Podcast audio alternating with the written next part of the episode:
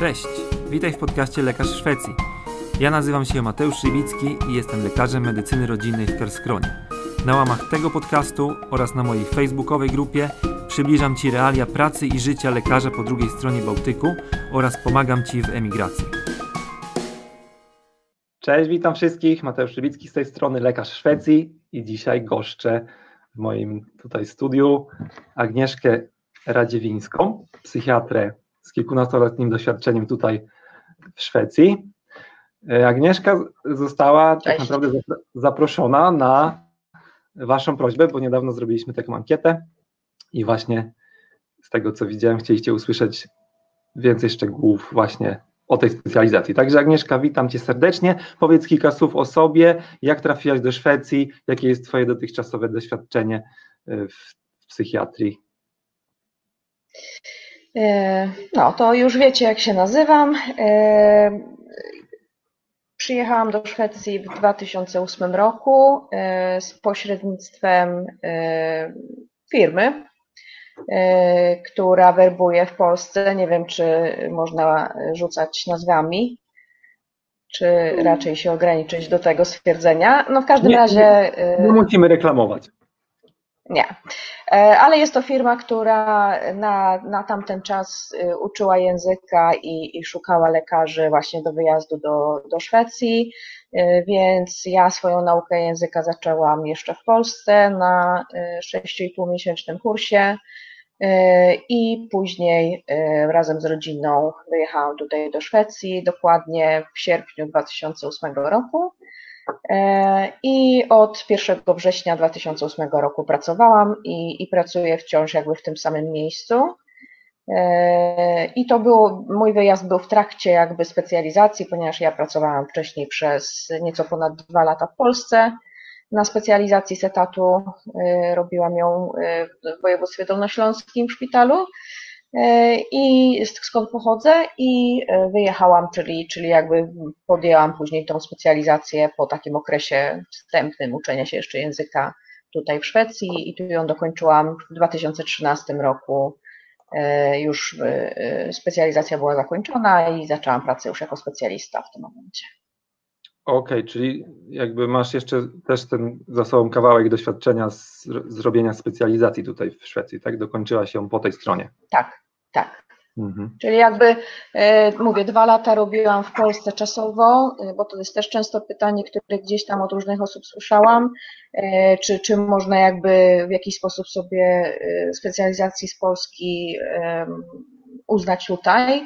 E, I to jest oczywiście kwestia uznaniowa. E, u mnie to było tak, że zrobienie tutaj do końca specjalizacji zajęło mi, bo ja papiery wysłałam w październiku 2012 roku, więc to jest nieco ponad 4 lata e, jakby pobytu i pracy tutaj.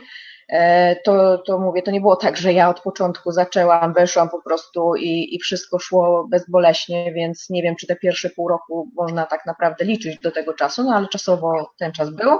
Także w sumie jakby zliczyć to, no to, to mi to zajęło e, trochę ponad 6 e, lat, nie wliczając tego 6,5 miesięcznego kursu, który był jakby taką przerwą pomiędzy.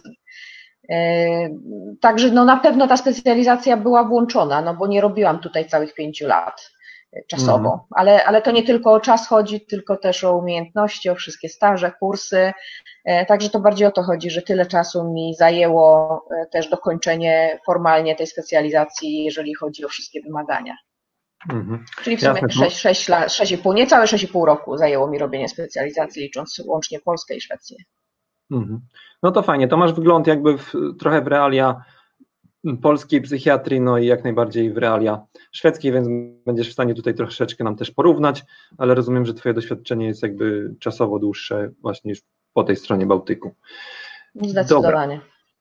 To powiedz nam proszę, jak tak najogólniej, a za chwilę przejdziemy też do szczegółów, wygląda właśnie praca psychiatry w Szwecji, czyli e, jakie są poziomy i rodzaje opieki nad pacjentem psychiatrycznym, może też na początek, jakie są w ogóle oddziały i przychodnie y, w, właśnie w takim powiedzmy standardowym szpitalu?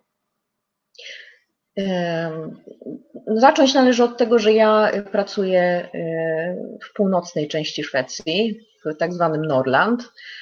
To jest, żeby, żebyście mieli trochę ogląd, 500 kilometrów na północ od Sztokholmu, bo zwykle większość z nas ma pojęcie, nawet nie znając Szwecji, gdzie jest Sztokholm.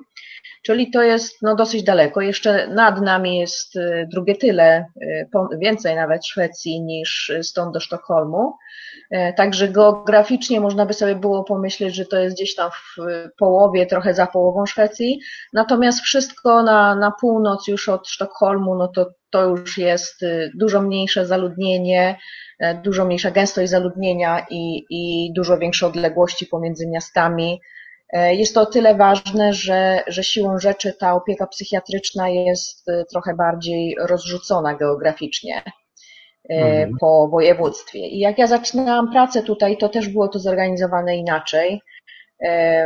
Cała opieka zdrowotna jest w dużym stopniu sterowana w Szwecji, chyba się zgodzisz ze mną, przez polityków, bo E, tak zwany landsting, czy w tej chwili to się nazywa regiony, no to, to można porównać trochę do takiego sejmiku wojewódzkiego obsadzonego przez polityków. To, I to jest, że tak powiem, nasz pracodawca, nasz płatnik, ten, który decyduje o tym, co w danym województwie, czyli Lenie, dzieje się w opiece zdrowotnej. Dokładnie. E, jak ja zaczynałam pracę, ja pracuję w ogólnopsychiatrycznej poradni, czyli takiej poradni, która ma wszystkie rodzaje pacjentów. E, i w, jakby tej otwartej, pozaszpitalnej opiece zdrowotnej.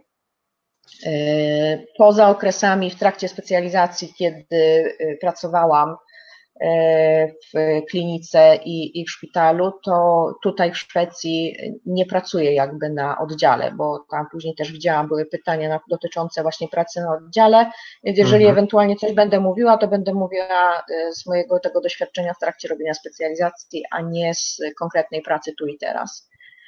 E, I kiedy ja zaczynałam, to była oddzielna, oddzielna poradnia, która razem z sąsiednią poradnią w miasteczku 40 kilometrów od nas tworzyła taką jakby małą jednostkę.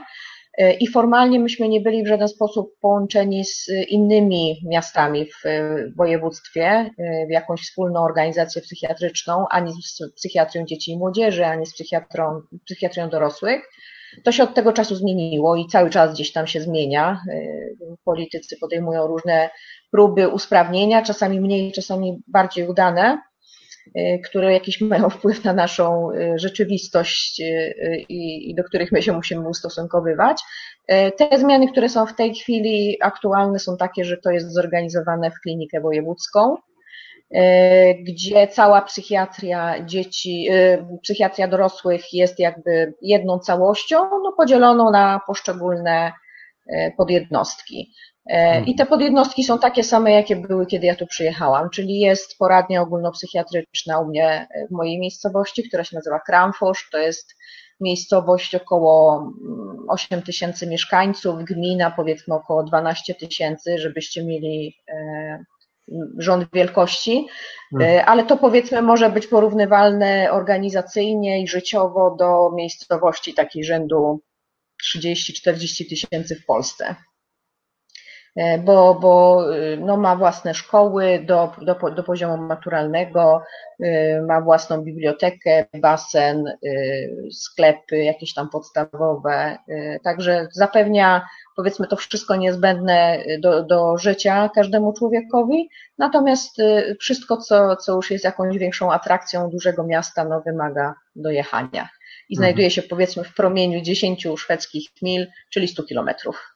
Najbliższe Szwedzka Mila to 10 kilometrów. Najbliższe Sundsvall. E, Sundsvall lub w drugą stronę Övik, czyli Örnsköldsvik, e, to jest mniej więcej rząd 10 e, mil, czyli 100 kilometrów. Do, do Övik mamy 9 mil. Okej, okay. czy jakiś tam e, tak zwany psychiatrysk akuten w tej miejscowości, gdzie się znajdujesz, funkcjonuje? Czyli tak jakby Nie. ostra izba przyjęć psychiatryczna?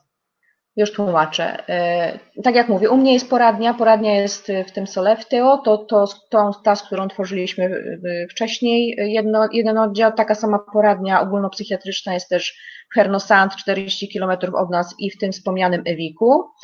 E, w Ewiku jest też oddział, to jest oddział dla wszystkich pacjentów, nie ma jakiegoś tam rozróżnienia, taki ogólnopsychiatryczny dla pacjentów dobrowolnych, to znaczy takich, którzy chcą, chcą być i, i nie są aż tak bardzo chorzy.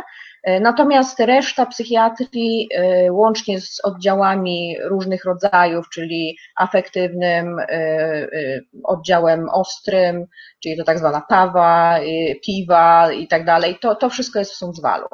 Hmm. Czyli jeżeli pacjent potrzebuje opieki szpitalnej, psychiatrycznej, to y, jest kierowany do, do Sundsvallu i zazwyczaj tam też na początku leży, ewentualnie może po jakimś czasie być przeniesiony na oddział e, w Ewik, jeżeli się polepszy i, i e, ma dzięki temu bliżej do domu i tam są wolne miejsca, no to czasami, czasami jest przenoszony tam.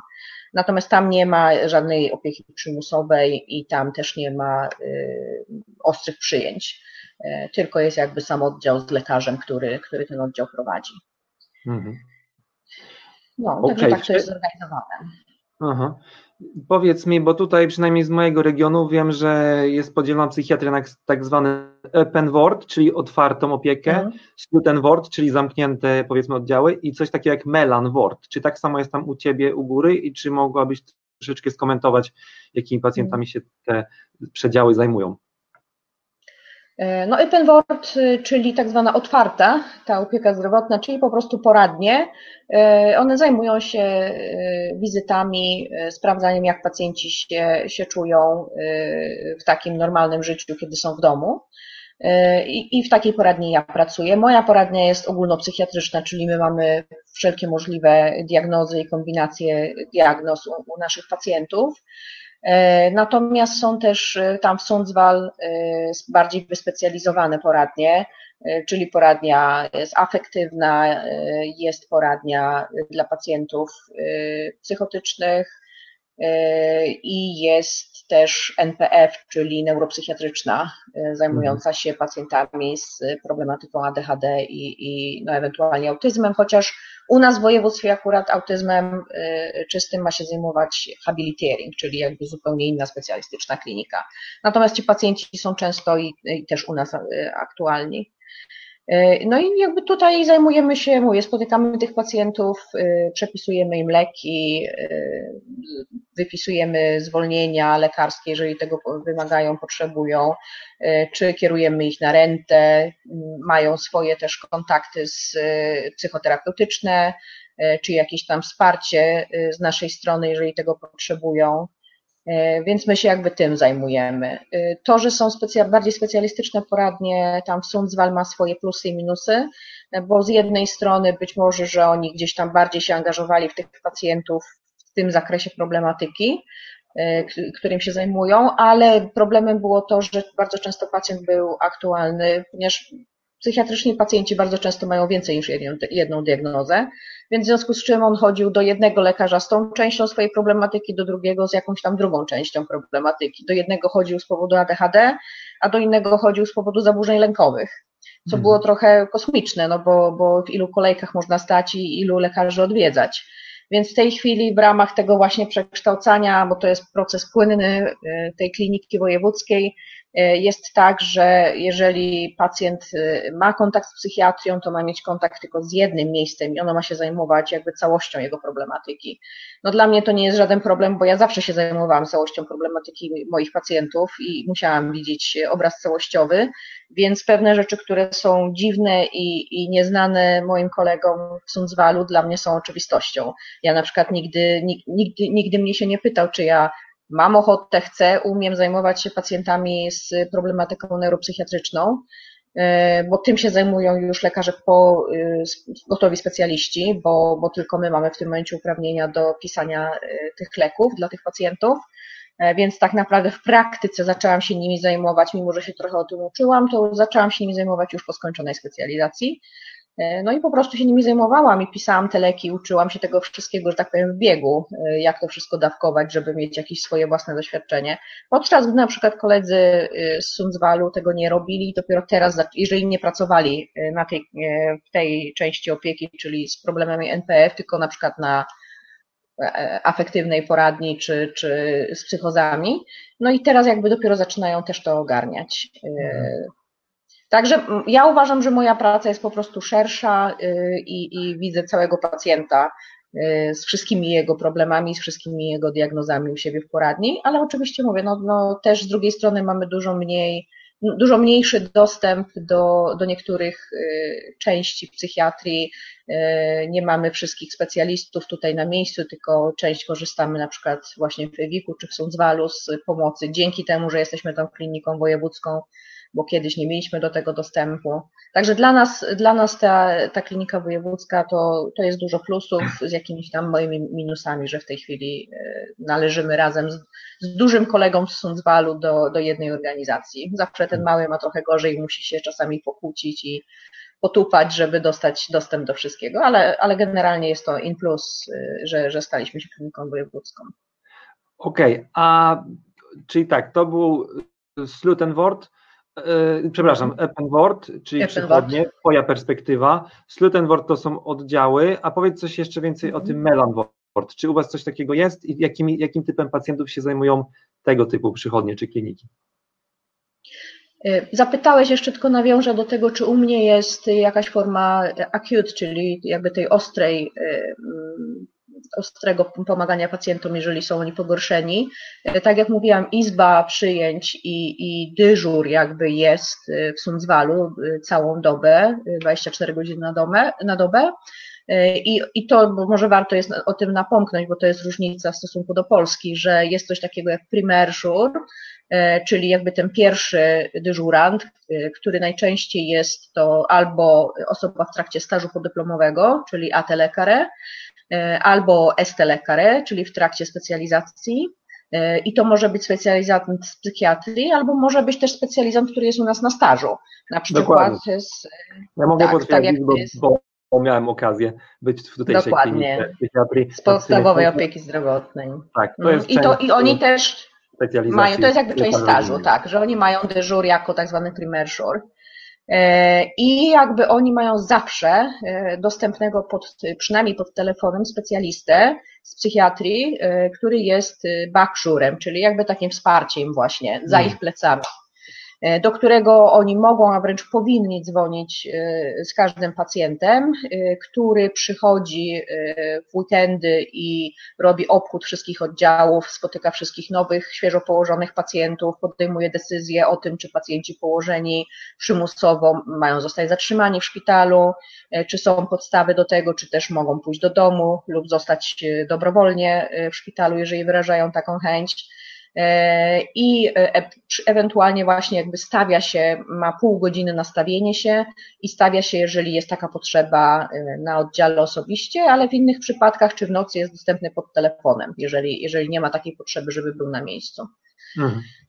To to jest ta kwestia acute i my też musimy mieć swoje rozwiązania w tych mniejszych miejscowościach, bo my nie mamy dyżuru, nie mamy po godzinie, ja kończę pracę o wpół do piątej, E, pracuję od 8 rano do, do wpół do 5 to jest mój czas pracy z półgodzinnym lunchem, niewliczonym do czasu pracy, czyli pracuję normalnie 8 godzin, 5 dni w tygodniu.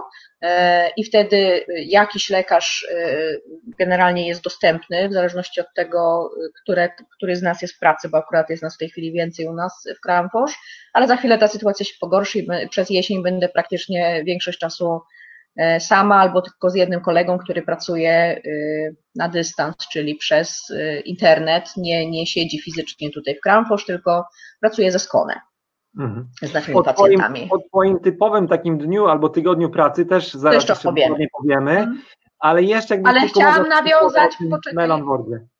No, mm, chciałam tylko dokończyć o, tej, o tej Acute, że mamy coś takiego u nas jak, jakby, jako rozwiązanie, to się nazywa Acute Atimet, to są trzy osoby, które z wykształcenia nie są ani lekarzami, ani pielęgniarkami, e, tylko to jest szytare. I ja nie do końca wiem, jak to na polski przetłumaczyć, e, jakby rodzaj opiekuna, nie ma odpowiednika do końca e, po polsku, ale mają długie doświadczenie właśnie w ostrej psychiatrii i oni mogą i wyjeżdżać do pacjentów i przyjmować tych pacjentów u nas i robią takie pierwsze taki screening, czy dany pacjent potrzebuje spotkać lekarza, czy nie potrzebuje, i w razie potrzeby są ci pacjenci przekierowywani do którejś e, z osób, którychś z lekarzy pracujących w poradni, żeby spotkać jakby na ostro i zrobić ocenę i ewentualnie położyć w szpitalu, bo wtedy jakby hmm. ja z Kramfosz też mam prawo e, położyć w szpitalu, tylko kontaktuję się z kolegą, który ma dyżur w danym dniu i ustalamy to, że ten i ten pacjent potrzebuje opieki w szpitalu.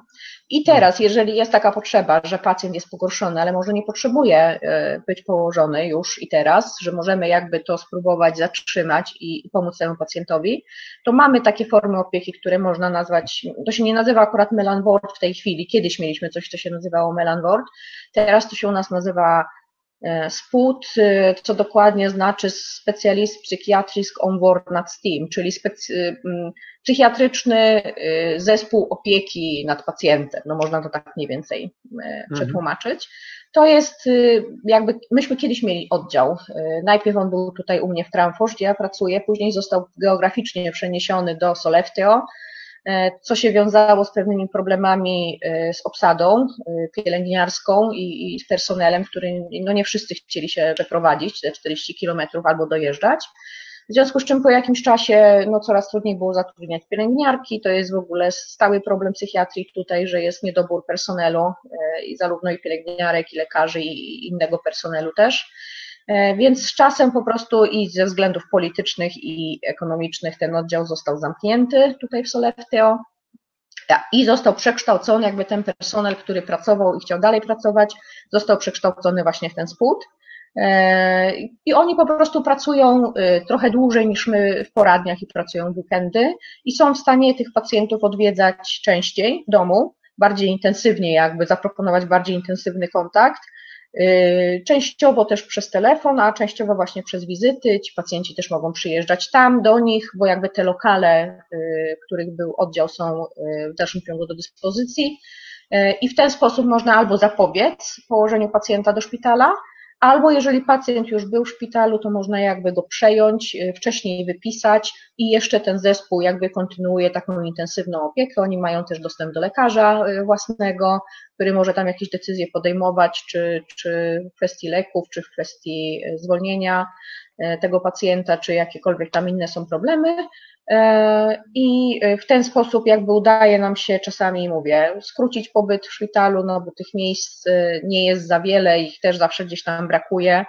E, no i to nie jest najczęściej najlepsza forma opieki nad tym pacjentem, no bo na przykład pacjent z Kramfors jest wyciągnięty z tego Kramfors, przeniesiony do Sundsvall, gdzie go niekoniecznie znają i jest daleko od, od swojego miejsca zamieszkania, więc im szybciej on może wrócić z powrotem bo ten spód jakby ma zajmować się pacjentami i w Soleftio, i w Krampusz, w tych dwóch gminach hmm. Sąsiednich, więc im szybciej on może wrócić w swoje własne środowisko i ewentualnie pomoc jakąś dostać w tym swoim własnym środowisku, no to tym lepiej e, dla jego dalszego poprawienia.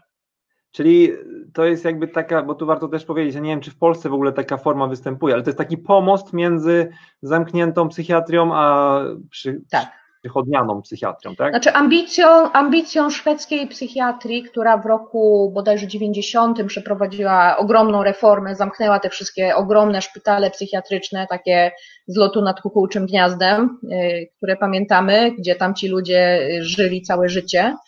Y, I ich ambicją było to, żeby, żeby tymi pacjentami jak najbardziej się zajmować w domu. To oczywiście może nie do końca przebiegło z tego, co ja tam słyszałam, różne opowieści, tak jak powinno, bo nie do końca był ten system gotowy na to, że ci pacjenci, którzy latami byli w instytucjach, nagle zostali wypisani i ktoś miał się nimi zająć, oni nie potrafili funkcjonować w ogóle w społeczeństwie więc y, no, doprowadziło to niestety do kilku pewnie tragedii i, i niekoniecznie było takie, takie udane i przemyślane, no ale ambicja była bardzo dobra. I na chwilę obecną jest tak y, ogólnie w całej Szwecji, że ilość miejsc w szpitalu się tnie i tych miejsc jest jakby coraz mniej. I, i ambicją wszystkich jest, żeby jak najrzadziej i jak najmniej pacjentów y, musiało być właśnie umieszczonych przymusowo czy dobrowolnie w opiece y, szpitalnej, tylko w miarę możliwości jakby środki mają być kierowane na, na to, żeby ta poradnia funkcjonowała i była w stanie wspierać pacjentów i, i w ich środowisku domowym gdzieś tam ich leczyć. Żeby mhm. jak najbardziej, jak najbliżej społeczeństwa ci ludzie funkcjonowali, którzy jakieś tam mają trudności. Okej, okay, a powiedz mi, bo wspomniałaś, że y, teraz jak już powiedzieliśmy, że jest tak dużo różnych tych instancji i miejsc, w którym tego pacjenta można psychiatrycznego spotkać. Czy wy w całym tym waszym regionie, czy ty masz dostęp do dokumentacji ze wszystkich tych miejsc, czy tylko widzisz swoją dokumentację? E, tak, jak najbardziej. E, od samego początku, jak ja tu przyjechałam, bo wtedy właśnie e, wszedł elektroniczna, elektroniczna dokumentacja pacjentów, więc, że tak powiem, od razu zaczęłam z tym pracować. Wcześniej były papierowe dokumenty i one zostały w tej chwili już w większości skanowane, więc ja też mam do nich dostęp przez komputer, ale, ale one są w formie skanów z tych lat wcześniejszych, przed 2008 rokiem. Natomiast od 2008 roku już był ten żurnal elektroniczny, jak ja zaczęłam pracować. Później tam w międzyczasie była zmiana, y, więc jest stary żurnal i nowy żurnal. W tej chwili jesteśmy w trakcie tego całego procesu zmiany na, na inny rodzaj oprogramowania, bo no niestety jest też tak, że w danym województwie, y, ponieważ ta opieka jest właśnie zorganizowana mocno na poziomie wojewódzkim, to jakby każde województwo mogło niestety podjąć własną decyzję, jakiego rodzaju y, oprogramowania używa. Y, I jest kilka województw, które używają tego samego oprogramowania co, co my, natomiast jest też wiele województw, które używają innych programów, co utrudnia pracę takim lekarzom tak zwanym sztafetowym, którzy pomiędzy różnymi miejscami pracują czasami po tygodniu, czasami dłużej. E, i, i muszą się uczyć różnych tych systemów. Natomiast ja na poziomie swojej pracy, taka, taka codzienność, e, ja mam wgląd w całą dokumentację pacjenta, mhm. łącznie z ewentualnymi wizytami czy w szpitalu, czy na medycynie, łącznie z pobytami właśnie i w szpitalu, i z wizytami w poradni, na przykład takie jak Twoja. I teoretycznie tak, i lekami. Wspólna jest na szczęście dla całego kraju, no bo teraz się próbuje zintegrować te wszystkie systemy, oczywiście po czasie, e, więc wspólna jest jakby lista leków dla mojego województwa. E, natomiast jest też, są też narzędzia, żeby tą listę leków zobaczyć dla historii pacjenta e, też na cały kraj, jakby, żeby między innymi zapobiegać te, te, temu, że pacjenci niektórzy jeżdżą do różnych lekarzy i chcą, żeby im wypisywać leki, które niekoniecznie są takie, nie powinny być Dokładnie. wypisywane. Będą Więc jakby oni w tej chwili. Tak, tak, na przykład. Więc jakby no, Szwedzi teraz troszeczkę po, po fakcie próbują odzyskać kontrolę nad tym, żeby jednak była kontrola na poziomie narodowym, żeby to było wspólne dla całej Szwecji. To jest mhm. jednak tylko 10, tylko 10 milionów mieszkańców, w związku z tym no, fajnie by było, gdyby to w ogóle od początku był jeden wspólny system. No ale ponieważ tak nie jest, więc w tej chwili próbują to jakby to wszystko zintegrować, żeby była taka krajowa lista leków i, i jest też możliwość dostępu do E, jeżeli pacjent chodził na przykład do psychiatry gdzieś w jakimś innym województwie, to ja też w jakimś tam ograniczonym stopniu już mogę po prostu przez ten program e, mieć dostęp do, do jego historii, a jeżeli nie jest to możliwe, no to jeżeli pacjent do nas jest skierowany z jakiejś innej miejscowości, z innego województwa, to my po prostu zamawiamy kopię jego dokumentacji i ona jest właśnie u nas wtedy skanowana, więc jest mhm. dostępna też w, w komputerze E, do przeczytania, do, do przejrzenia, żeby się zorientować, co temu pacjentowi dolega, jakie leki brał. Więc, więc ja po prostu mam pełen obraz pacjenta, jeżeli tylko poświęcę na to czas, no bo czasami oczywiście jest to związane z tym, że ja muszę usiąść i po prostu to przeczytać. Mhm. Jest też taki system, prawda? Nie wiem, macie do niego też dostęp na Tchunel Patient Oversight NPE. Hmm, dokładnie, NPE. Tam można sobie sprawdzić nawet wszystkie, całą historię choroby pacjenta tak, z całego kraju tak. właściwie, prawda? Tylko, że tu już pacjent musi wyrazić zgodę, tak. co oczywiście jest w jego interesie, bo jakby ja, jeżeli y, w ramach danego województwa pacjent chodzi do lekarzy, to jakby nawet nie muszę się pytać. On jakby przez sam fakt, że ma do mnie przyjść, wyraża zgodę na to, żebym ja przejrzała jego historię i się mhm. w niej zorientowała. Więc ja zazwyczaj to robię jeszcze zanim z pacjentem się spotkam, że sprawdzam pewne rzeczy, na przykład, czy był y, u lekarza podstawowej opieki zdrowotnej, y, z jaką historią chorób y, się tam leczy, no bo dla mnie to ma znaczenie, jakie próby były robione. Ja mam dostęp do wyników badań laboratoryjnych, zarówno tych, które ja zlecę, jak i tych, które zlecą koledzy y, w poradni y, ogólnej, czy na przykład na medycynie, więc ja mam dosyć szeroki obraz tego, co się u danego pacjenta dzieje i mogę to zrobić zanim go nawet spotkam, czy w trakcie, jak z nim rozmawiam, czy po tej rozmowie. Natomiast już na, na to przejrzenie tej historii wstecz, jeżeli ja muszę korzystać z tego programu po, poza moim województwem, to wtedy już muszę mieć pacjenta zgodę na to. Więc, hmm. więc to mogę zrobić, jak on siedzi w pokoju lub po, po takiej wizycie, jeżeli mam taką potrzebę. Okej. Okay. Nawiązałaś też e, do tego, że właśnie e, nawet lekarze z tej podstawowej opieki zdrowotnej przychodzą na staże właśnie do Was na psychiatrię i myślę, że warto tutaj wspomnieć akurat w takim kontekście, jaki mamy, czyli medycyna rodzinna, moja strona, psychiatria, Twoja strona, że właśnie tutaj e, sporą częścią pacjentów psychiatrycznych zajmuje się też medycyna rodzinna, prawda? Czy mogłabyś powiedzieć, gdzie przechodzi ta mhm. granica i jak to z Twojej perspektywy wygląda? Czy ta współpraca jest fajna, czy, czy coś e, właśnie takiego, powiedzmy, jako bo w Polsce to całkowicie inaczej działa, prawda? Czy mogłabyś mhm. troszeczkę skomentować, jak to wygląda tutaj w Szwecji? Tak, to, to myślę, że może być z kolei zaskoczenie duże, jeżeli przyjeżdżają ludzie, którzy już w Polsce skończyli specjalizację z medycyny rodzinnej i, i muszą się zająć tymi pacjentami tutaj.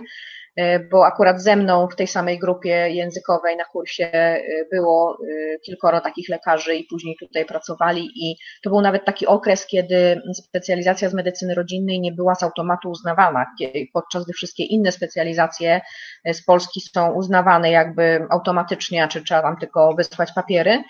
O tyle właśnie ci lekarze rodzinni, którzy tu przyjechali, oni praktycznie jeszcze poświęcali chyba dwa lata na to, żeby jakby uzupełnić tak, mhm. tą swoją specjalizację.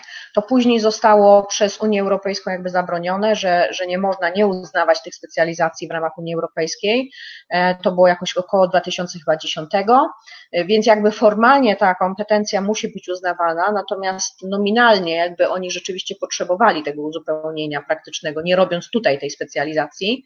I tak naprawdę chyba każdy specjalista w jakimś tam stopniu troszeczkę potrzebuje nauczyć się pewnych rzeczy, które różnią te poszczególne specjalizacje e, pomiędzy krajami. Natomiast już w przypadku lekarzy rodzinnych było to takie najbardziej największy może szok, największy, najbardziej wyraźny, że te kompetencje są jednak zupełnie różne i że e, w medycynie rodzinnej dużo więcej lekarz ma swoich jakby, no nie wiem, obowiązków czy odpowiedzialności za, za pacjenta i to dotyczy właśnie między innymi psychiatrii, gdzie E, po prostu medycyna rodzinna jest, jest określana jako psychiatria pierwszego rzutu. E, więc wszyscy, gdzie leży granica, to jest myślę troszeczkę różnie w różnych województwach, w różnych komunach, jak jest zorganizowana dana opieka psychiatryczna czy, czy opieka lekarza rodzinnego. E, I jest to też troszeczkę kwestia i dyskusji, i czasami przepychanek, w zależności od hmm. tego, jak te stosunki się układają, e, i też pewnie kto pracuje i na psychiatrii, i w medycynie rodzinnej. E, u mnie powiedziałabym tak, że no niestety opieka rodzinna funkcjonuje zmiennie, że nie zawsze są stali lekarze, z którymi można ten dialog podjąć. W okresach, kiedy ten dialog funkcjonował, kiedy myśmy się spotykali raz na jakiś czas i byli starzy lekarze, stali lekarze i od naszej strony, i od strony rodzinnych, to funkcjonowało lepiej, tu na tym naszym przynajmniej podwórku lokalnym. Zazwyczaj troszkę gorzej funkcjonuje w większych miastach, gdzie tych poradni lekarzy rodzinnych jest więcej, po prostu, że tak powiem, no, trzeba to wszystko dogadać z większą ilością ludzi. Im więcej ludzi, tym trochę trudniej się jest y, dogadać i porozumieć. Natomiast jeżeli mamy mówić o takim ogólnej, jak to jest podzielone, to y, zaburzenia lękowe i zaburzenia depresyjne do takiego poziomu średniego y, generalnie są w gestii lekarza rodzinnego i zanim się w ogóle wyśle jakby skierowanie do psychiatry, to musi się podjąć próbę leczenia i to zarówno próbę leczenia medycznego lekami, i to co najmniej jest chyba dwie próby, nie wiem jak jest u Ciebie, ale, ale u mnie jest tak, że jakby dwie pełne kuracje i tak. czasowo tak. i dawkowo muszą być wypróbowane. Pierwszego I czasami my, czasami nawet tak. trzeciego. I mhm. czasami my po prostu odsyłamy skierowanie, jeżeli albo nie jest to opisane, albo, albo nie widzimy tego w dokumentacji, że taka próba została podjęta, o ile, czyli jakby jak z automatu są do nas skierowania wysyłane, jeżeli to jest ciężka depresja, bardzo często wtedy pacjent idzie po prostu przez oddział, i do nas trafia już jakby z oddziału, ale czasami też, też od lekarza rodzinnego, lub też jeżeli ma myśli samobójcze i jakby tą ocenę musimy zrobić, no to praktycznie na hasło suicide, czyli, czyli samobójstwo, jakiekolwiek myśli e, samobójcze, no to z automatu to jest psychiatria. Natomiast mówię, do, do tego poziomu, dopóki się nie spróbowało leczenia lekami lub psychoterapii, no bo, bo też należy wspomnieć, że lekarz rodzinny ma do swojej dyspozycji możliwość psychoterapii na poziomie POZ-u, E, no to nie jest to wysyłane do psychiatrii. Natomiast do psychiatrii należą wszyscy pacjenci z chorobą dwubiegunową, wszyscy pacjenci z zaburzeniami psychotycznymi, chociaż w niektórych miejscach jest tak, że jeżeli oni są stabilni, to, to są z powrotem przekazywani i lekarz podstawowej opieki zdrowotnej wypisuje im leki. Natomiast u nas jest tak, że większość tych pacjentów w dalszym ciągu chodzi u nas. No i do, do psychiatrii jest, są przyszeregowani bardzo duża i rosnąca w tej chwili grupa pacjentów y, z neuropsychiatrycznymi zaburzeniami, bo, bo ta grupa wśród osób dorosłych znacząco rośnie w ostatnich latach i będzie rosła jeszcze, nawet patrząc czysto statystycznie, bo, bo coraz więcej tych diagnoz jest stawianych w wieku dorosłym. E, no i nie wiem w sumie, czy jakąś grupę pominęłam. Zaburzenia odżywiania to jest też sprawa psychiatryczna, mhm. E, więc ci pacjenci trafiają do nas. No, ale zaburzenia lękowe i zaburzenia depresyjne są w waszej gestii, przynajmniej mhm. do pewnego poziomu. Nadużywanie substancji, alkohol, narkotyki? Tu jest troszeczkę sprawa y, o tyle problematyczna, że tak naprawdę y, w dużej stopniu leży to w gestii gminy, czyli komuny, a nie opieki zdrowotnej. Mhm. Przynajmniej tak jest u nas i tak jest chyba w większości y, miejsc w Szwecji, co ma swoje plusy i minusy, ponieważ bardzo często ci pacjenci, jak to się mówi po szwedzku, lądują między krzesłami, czyli tak naprawdę są trochę na ziemi niczyjej i nie dostają tej, tej porządnej pomocy. E, natomiast jeżeli to jest y, czysty, znaczy bardzo rzadko to jest tylko i wyłącznie nadużywanie substancji, najczęściej jest jakieś podłoże, czy y, somatyczne, czy psychiatryczne w tym wszystkim, e, ale jeżeli to nie jest stwierdzone, nie, nie jest zdiagnozowane lub jest bardzo y, w dużym stopniu nasilone to nadużywanie alkoholu czy narkotyków, to tak naprawdę oni w pierwszej kolejności są kierowani do różnego typu zespołów pomocy ze strony gminy, mogą ewentualnie od y, lekarza rodzinnego lub jeżeli mają jakiś kontakt z psychiatrią dostawać różnego typu leki, e, na przykład antabus awersyjny, czy, czy zmniejszające jakby ten, tą chęć zażywania narkotyku czy, czy picia alkoholu jako wsparcie, no ale jeżeli chodzi o taki kontakt, y, no, wsparcie, że tak powiem, rozmową, y, zachęcanie do, do tego, żeby nie pili, to to jakby się dzieje, przy, to, to robią terapeuci zatrudnieni przez, przez gminę, przez komunę. Mhm. E, chyba, że podejrzewamy właśnie jakieś tam tło y, psychiatryczne, no to oni bardzo też często równolegle lub jak już jakiś czas są bez tego alkoholu czy narkotyków, to wtedy trafiają czasami na diagnostykę do nas. A zespoły I wtedy mają równoległe kontakty. A na przykład Jeżeli chodzi o same abstynencje, tak, delirię, to, to, to jest wtedy psychiatria, ale no wtedy oni po prostu najczęściej w trybie dyżurowym są kładzeni na oddział. Z tym, że abstynencja też bardzo często nie są przez zwykły SOR kładzeni na, na przykład na medycynie. E, natomiast mogą też, jeżeli mają właśnie psychozę, czy, czy jakieś silne zaburzenia lękowe, depresyjne, e, czy rozwijają delirium, no to, to wtedy są kładzeni poprzez psychiatrię, no i czasami też trafia, trafiają na, na anestezjologa i są na przykład wprowadzani w śpiączkę, żeby, żeby ochronić mózg. Także no to gdzieś tak naprawdę jest zawieszone pomiędzy y, psychiatrią i, i tymi ośrodkami gminnymi. Ale jest taki oddział Berowende, tak, dla uzależnionych też. Czym się na taki oddział zajmuje? To znaczy, no tu akurat jestem przedstawicielką województwa, której jako jedyne nie ma oddziału jeszcze y, BROND, mhm. więc to co wiem, to wiem bardziej teoretycznie. My od niedawna mamy, znaczy od niedawna, no może już chwilę mamy, powiedzmy dwa lata, ale to jest i tak dosyć niedawno w stosunku do reszty Szwecji. Mamy tak zwaną y, larum otogning, czyli no tak. Y, poradnię zajmującą się tak, substytucją dla pacjentów uzależnionych od narkotyków opioidowych. E, co uważam, że jest i tak zapóźnione, no bo, bo to jest akurat udowodniona metoda i skuteczna metoda i ta metoda była obecna w większości miejsc już dużo wcześniej, no a u nas ci pacjenci byli tacy powiedzmy zaniedbani.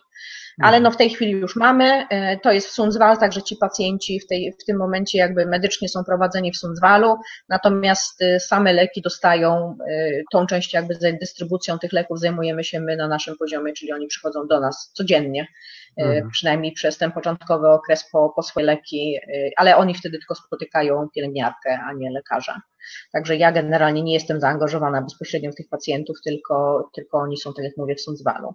Mhm. Natomiast Bero and Clinic oddziału zajmującego się właśnie leczeniem, bo to wtedy najczęściej chodzi o, o tak zwany dubel diagnoz, czyli podwójną diagnozę, gdzie to jest i jakiś zespół uzależnienia i jakaś choroba psychiatryczna, no to tym takiego oddziału nie mamy, więc ci pacjenci są po prostu, jeżeli, jeżeli mają taką podwójną diagnozę, oni są leczeni na innych oddziałach, w zależności od tego, jakie mają problemy, czy na oddziale, oddziale afektywnym, jeżeli mają zaburzenia depresyjno-lękowe, czy na oddziale y, y, y, psychos, jeżeli mają jakieś tam właśnie zaburzenia psychotyczne, czy na takim ostrym abstynencyjnym na piwie, jeżeli, jeżeli mają bardziej zaburzenia w stylu delirium.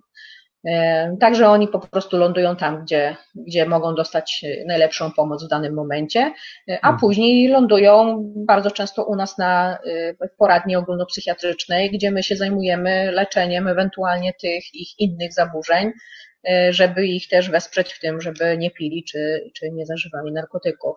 Więc to jest rozwiązane, no bo ci pacjenci nie znikają, natomiast nie mamy takiej wyspecjalizowanej niestety jeszcze opieki, żeby im ją zapewnić.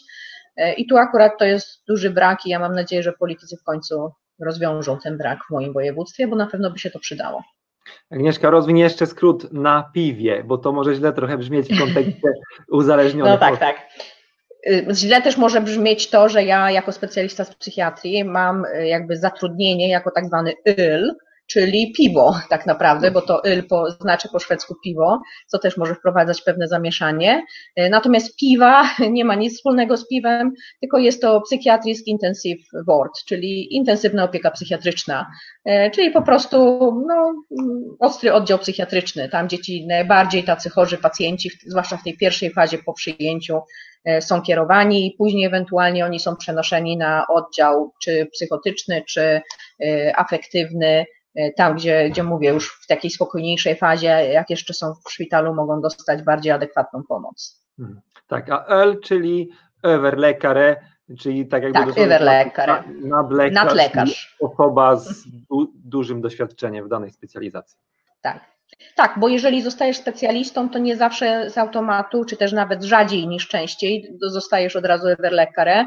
U mnie akurat była taka sytuacja, że y, u mnie nic by to nie zmieniło, więc ja od razu dostałam tytuł Everlekare, bo to jeszcze było przed czasem tych wojewódzkich klinik. Natomiast już kolega, który kończył specjalizację, też zatrudniony u nas y, w zeszłym roku, E, już jakby nie dostał tego tytułu Iwerlekare, ponieważ byłoby to niesprawiedliwe, ponieważ koledzy w Sundsvall nie dostają od razu e, e, tego tytułu IL, który się wiąże z jakąś tam większą odpowiedzialnością, ale i z większą pensją. Więc kolega dostał tylko, czy tylko, aż, ale, ale jednak tylko tytuł specjalisty. Więc on jest zatrudniony jako specjalista, ja jestem zatrudniony jako, jako ten IL, Iwerlekare, nad, nadlekarz, co tak naprawdę wiąże się najczęściej, jakby tym stopniem jest to, że można już być bakżurem, czyli tym e, drugim specjalistą e, na dyżurze. Ja akurat tej kompetencji do końca nie mam, ponieważ e, ze względów geograficznych ja po prostu dyżurów w Sundsvallu nie mam, no bo to by wymagało, że ja muszę w ciągu pół godziny się stawić, więc ja bym musiała być tak naprawdę tam na miejscu. E, więc nawet teraz po tych przekształceniach, jak my jesteśmy kliniką wojewódzką, to ja tych dyżurów akurat nie, e, nie biorę na siebie. E, natomiast oprócz tego, no ja akurat mam na przykład dodatkowe funkcje w ramach tej kliniki wojewódzkiej, które też argumentują fakt, że, że ja mam jakby funkcję lekarza, że jestem takim bardziej doświadczonym, zaangażowanym lekarzem. Ja akurat jestem odpowiedzialna za, za całą działkę tej neuropsychiatrii w województwie. Czyli wtedy jestem tak zwanym sylem, czyli specjalisty lekarze, czyli jestem jakby bardziej konkretnie specjalistą od pacjentów y, z ADHD, no i z zaburzeniami autystycznymi, bo to najczęściej jest i jedno i drugie mhm. u większości pacjentów. Okej, okay, Agnieszko, fajnie nam się tutaj tak rozmawia, już 42 minuty. Y, tak, tak, właśnie kontroluję też czas. Tak. tak jak się spodziewałeś, czas szybko minął. Dokładnie. Y, Pojawiły się jakieś tam pytania wcześniej w komentarzach, tutaj widzę, że też nadal osoby pytają. Ja się staram troszeczkę nawiązywać w, tym, w tych naszych tutaj kwestiach do tego, o co e, ludzie pytają, aczkolwiek na pewno ni niestety nie zdążymy na wszystko odpowiedzieć, zobaczymy, czy może będzie mm. potrzebny jakiś drugi odcinek, albo też zastanawiam się nad tym, żeby zrobić może wywiad z kimś, kto jest na specjalizacji, na ST w psychiatrii, ale mhm. jeszcze myślę, że jedno albo dwa pytania uda mi się Tobie zadać i z Ciebie troszeczkę wyciągnąć, bo yy, tak jak mówisz, to czasami mi się pojawiają takie poboczne wątki, które aż proszą się, żeby coś o nich powiedzieć i na przykład yy, powiedzmy nawiązałaś też do tego, że różnie się ta współpraca i różnie ta granica przechodzi w poszczególnych województwach między psychiatrią a medycyną rodzinną. My, my często jakby tak płynnie troszeczkę też zahaczamy o swoje kompetencje, tak jak mówisz, do pewnego mhm. stopnia lekarz rodzinny e, jakby zajmuje się też tą psychiatrią, e, ale ciekawy aspekt, bo mówisz, że zależnie też od tego, kto pracuje, zależnie od tego, jaka jest obsada, bo właśnie przyznaj, to są, obydwie te specjalizacje są jakby bardzo takie deficytowe, prawda, zarówno w psychiatrii, jak i tak. w medycynie rodzinnej potrzeba e, ciągle potrzeba większej ilości kadry, dlatego to może być też z tym związane, że właśnie tak. współpraca może nie jest zawsze idealna, a to ze względu na to, że są nadal braki kadrowe, ale staramy się jak możemy. Hmm. Tak, dokładnie I, I myślę, że to też jest bardzo charakterystyczne dla Szwecji e, i pokazuje, gdzie jest położony nacisk tak naprawdę, że to właśnie są te dwie specjalizacje, które są wciąż specjalizacjami deficytowymi.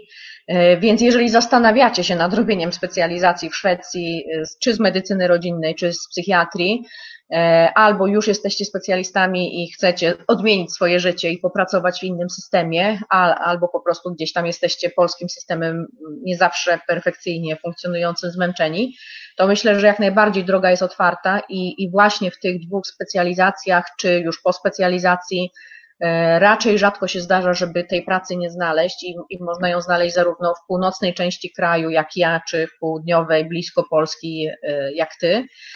E, I e, myślę, że, że jest to tylko kwestia otwartej głowy i chęci, oczywiście ciężkiej pracy, jeżeli chodzi o naukę języka, którą trzeba włożyć, ale jest to jak najbardziej opłacalne, bo y, może ja nie mogę powiedzieć, że ani przez jeden dzień nie żałowałam tego, że wyjechałam, e, że się na to zdecydowałam, ale nigdy nie pojawiła się myśl, że ja bym chciała wrócić e, i pracować z powrotem w Polsce. Teraz już pewnie zresztą byłoby mi trudno e, po mhm. tylu latach, zarówno językowo, bo nawet teraz jak my rozmawiamy, to ja pewne rzeczy tak naprawdę muszę aktywnie tłumaczyć na język polski, nie zawsze może znajduję perfekcyjne tłumaczenie, dlatego że ja po prostu już od 12 lat pracuję w psychiatrii po szwedzku. E, więc siłą rzeczy jest dla mnie dużo bardziej oczywiste i łatwiejsze tak naprawdę e, mówienie o tym po szwedzku. Wielu tych rzeczy uczyłam się i zetknęłam się z nimi dopiero w Szwecji, no bo przez te dwa lata w Polsce nie zdążyłam po prostu się z wieloma częściami psychiatrii zetknąć. E, miałam tam jakieś, mówię, maleńkie doświadczenie i, i możliwość porównania, ale, ale niewielką w stosunku do tego czasu, który już jestem w Szwecji i pracuję w Szwecji. E, ale no mówię, nie żałowałam. Ten system ma swoje braki, ten system ma swoje słabsze strony.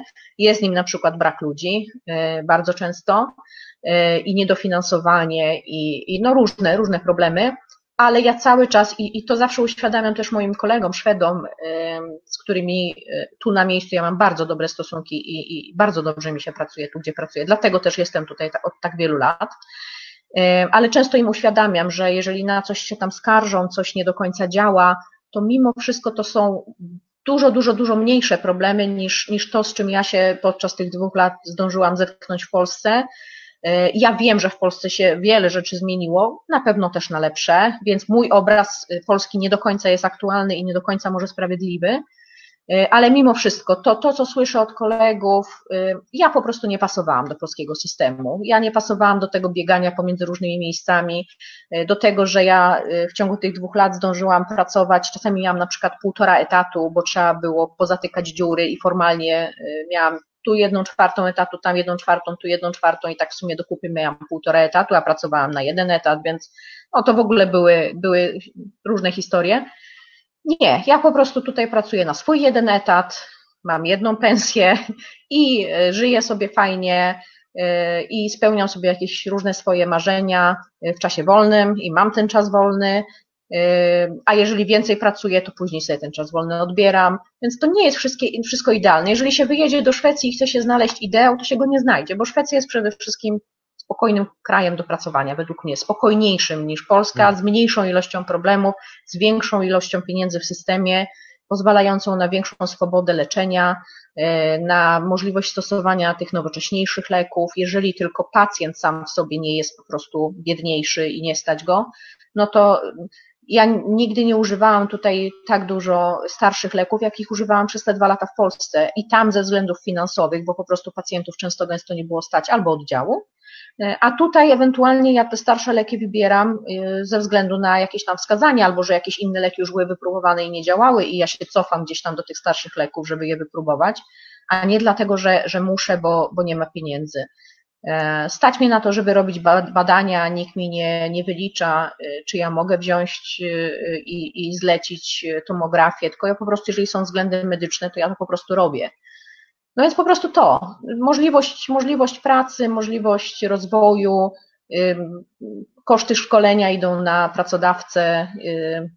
Ja byłam na kursach, na, na kongresie w Ameryce, w trakcie mojej specjalizacji, co oczywiście no nie jest jakby przygodą samą w sobie, nie o to chodzi, że o, pojechałam sobie do Ameryki, ale to była bardzo przyjemna też y, podróż ze względu na to, że zetknęłam się ze światem zupełnie innej, tej takiej dużej psychiatrii y, zagranicznej, y, na co nie miałabym na pewno szans w Polsce. Także no to są po prostu te dwie działki, które potrzebują ludzi, chcą ludzi, i, i jest, są tu naprawdę spore możliwości, mniejsze lub większe, bo można wybrać mniejsze miasto, duże miasto, można pracować klinicznie, można, można e, pisać prace naukowe.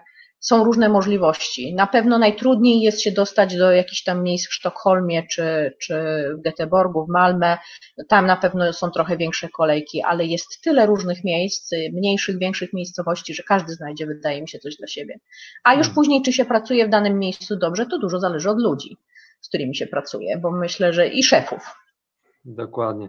Tak jak mówisz tutaj, poruszasz po kolei nawet w takiej swojej dłuższej wypowiedzi różne kwestie, to chciałoby się niemalże o każdą rzecz po kolei dopytać, więc tu przychodzą różne wątki do głowy, no ale niestety zbliżamy notuj, się... Notuj, Zbliżamy się już prawie do godziny, więc ja chciałem tylko tak na koniec jeszcze zapytać, bo dużo, ty też troszeczkę o tym wspomniałaś teraz przed chwilką, ale też właśnie a propos języka, bo były takie pytania, ja bym to mhm. tak zgromadził w, taką, w takie jedno większe właśnie, y, czy język był dla Ciebie jakąś dużą barierą właśnie w tej konkretnej y, specjalizacji, jaką jest psychiatria, czy to jest jakiś dodatkowy, jakby, to jest jakieś dodatkowe utrudnienie, jeśli właśnie w tej Twojej specjalizacji język jest głównym narzędziem i jeszcze pamiętam, że było coś takiego, czy pacjenci reagują jakoś inaczej albo w inny sposób na zagranicznego psychiatrę. Teraz, z perspektywy tych 12 lat, y, na pewno język był barierą. Y, dlatego, że no to jest mój, y, może nie jedyny, ale, ale główne moje narzędzie pracy. Jeżeli ja nie jestem w stanie zadać pacjentowi pytania precyzyjnie i nie jestem w stanie zrozumieć odpowiedzi precyzyjnie, no to siłą rzeczy pracuje się i trudniej, i w dużo większym stresie i tak naprawdę w uboższej wersji. E, więc tak, język, e, język jest bardzo ważny, e, ale jest to jednocześnie coś, co po prostu potrzebuje czasu i pracy. Te pierwsze pół roku akurat ja miałam bardzo dobry, na tą część nie mogę się w żaden sposób skarżyć, jeżeli chodzi o tą firmę, z pomocą której przyjechałam, bo oni mi dali bardzo dobre podstawy, nauczyli mnie też jak mówić, jak, jak wymowę trenować, ja nie mówię, broń Boże, perfekcyjnie i nigdy nie będę mówiła. Nie mam też takiej ambicji, żeby mówić idealnie. Natomiast y, od kilku osób słyszałam, że y, no, generalnie mówię dobrze, mówię zrozumiale, bo jest to czasami problem i Polaków, i innych narodowości, że mówią z bardzo silnym akcentem, y, że bardzo twardo mówią po szwedzku, źle wymawiają samogłoski, czy, czy tam te zbitki spółgłoskowe niektóre i są przez to dosyć trudni do zrozumienia dla pacjentów i, no, i mają problemy komunikacyjne. I ja niestety się z tym zetknęłam, ponieważ przez ostatnie kilka lat y, mieliśmy trochę y, sztafetów tak zwanych, czyli tych lekarzy kontraktowych, y, i duża grupa z nich to byli obcokrajowcy i niektórzy funkcjonowali bezboleśnie językowo i świetnie sobie radzili, natomiast niektórzy funkcjonowali bardzo, bardzo, bardzo słabo, często właśnie ze względów też językowych, a w psychiatrii jest to bardzo ważne. Mm.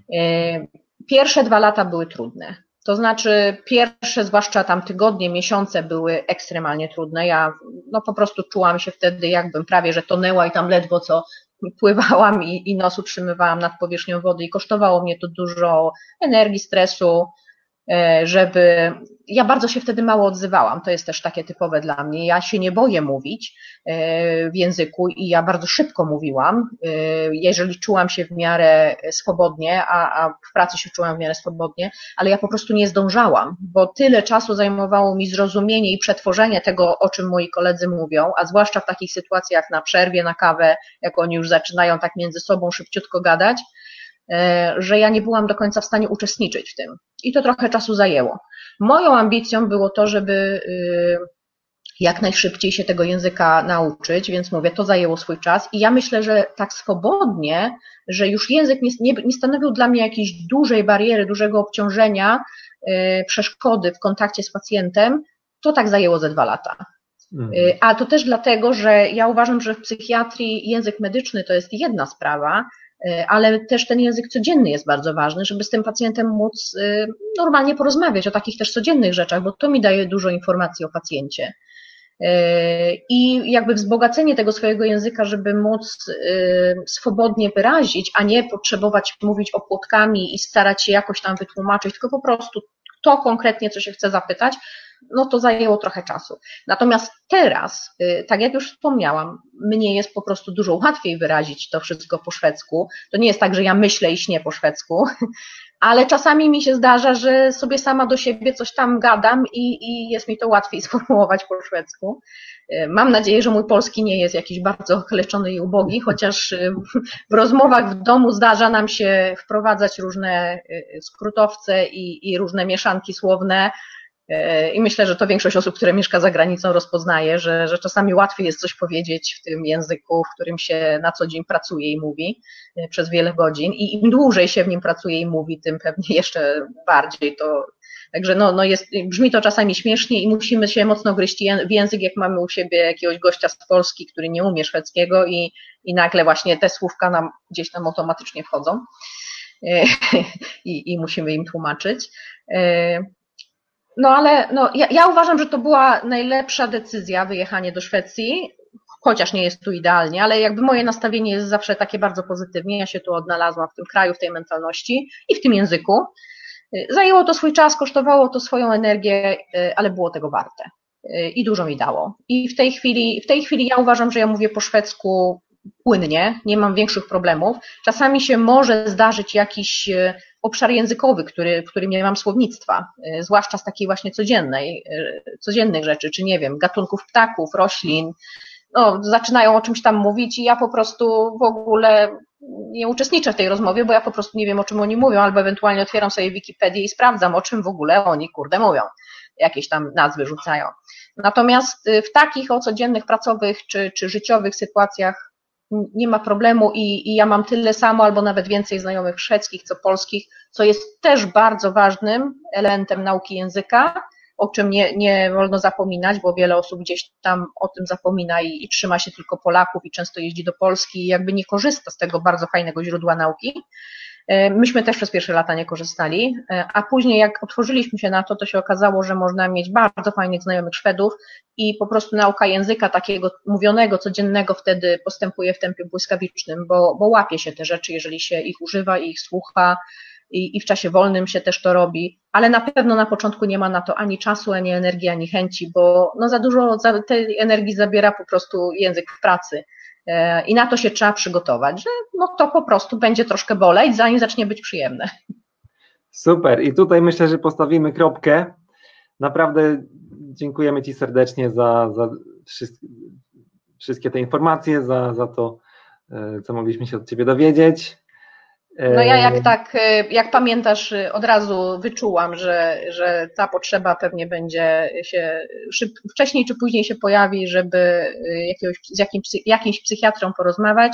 Dla mnie to jest też tak naprawdę łatwiejsza forma, bo ja przez te lata co najmniej kilku, jeśli nie kilkunastu osobom gdzieś tam pomagałam i wyjaśniałam pewne rzeczy. Także ta, ta robota, którą ty robisz, myślę, że pomaga szerzyć tą wiedzę o, o pracy w Szwecji w szybszy i przyjemniejszy dla wielu osób y, sposób, gdzie można wiele osób poinformować o tym, co już się wie z własnego doświadczenia w takiej, w takiej fajnej formie, że, że wszyscy mogą z tego korzystać, bo oczywiście, żeby, żeby jakiejś jednej konkretnej osobie pomóc, ja to zawsze chętnie robię, bo mi też ktoś kiedyś pomagał, natomiast no to kosztuje wiadomo trochę więcej czasu, energii, to wszystko trzeba napisać od początku, więc któryś tam raz jak się to opowiada, no to już człowiek i na pewno wielu kwestii nie poruszyliśmy, więc jeżeli będzie taka potrzeba i chęć, to ja jeszcze chętnie odpowiem na jakieś pytania.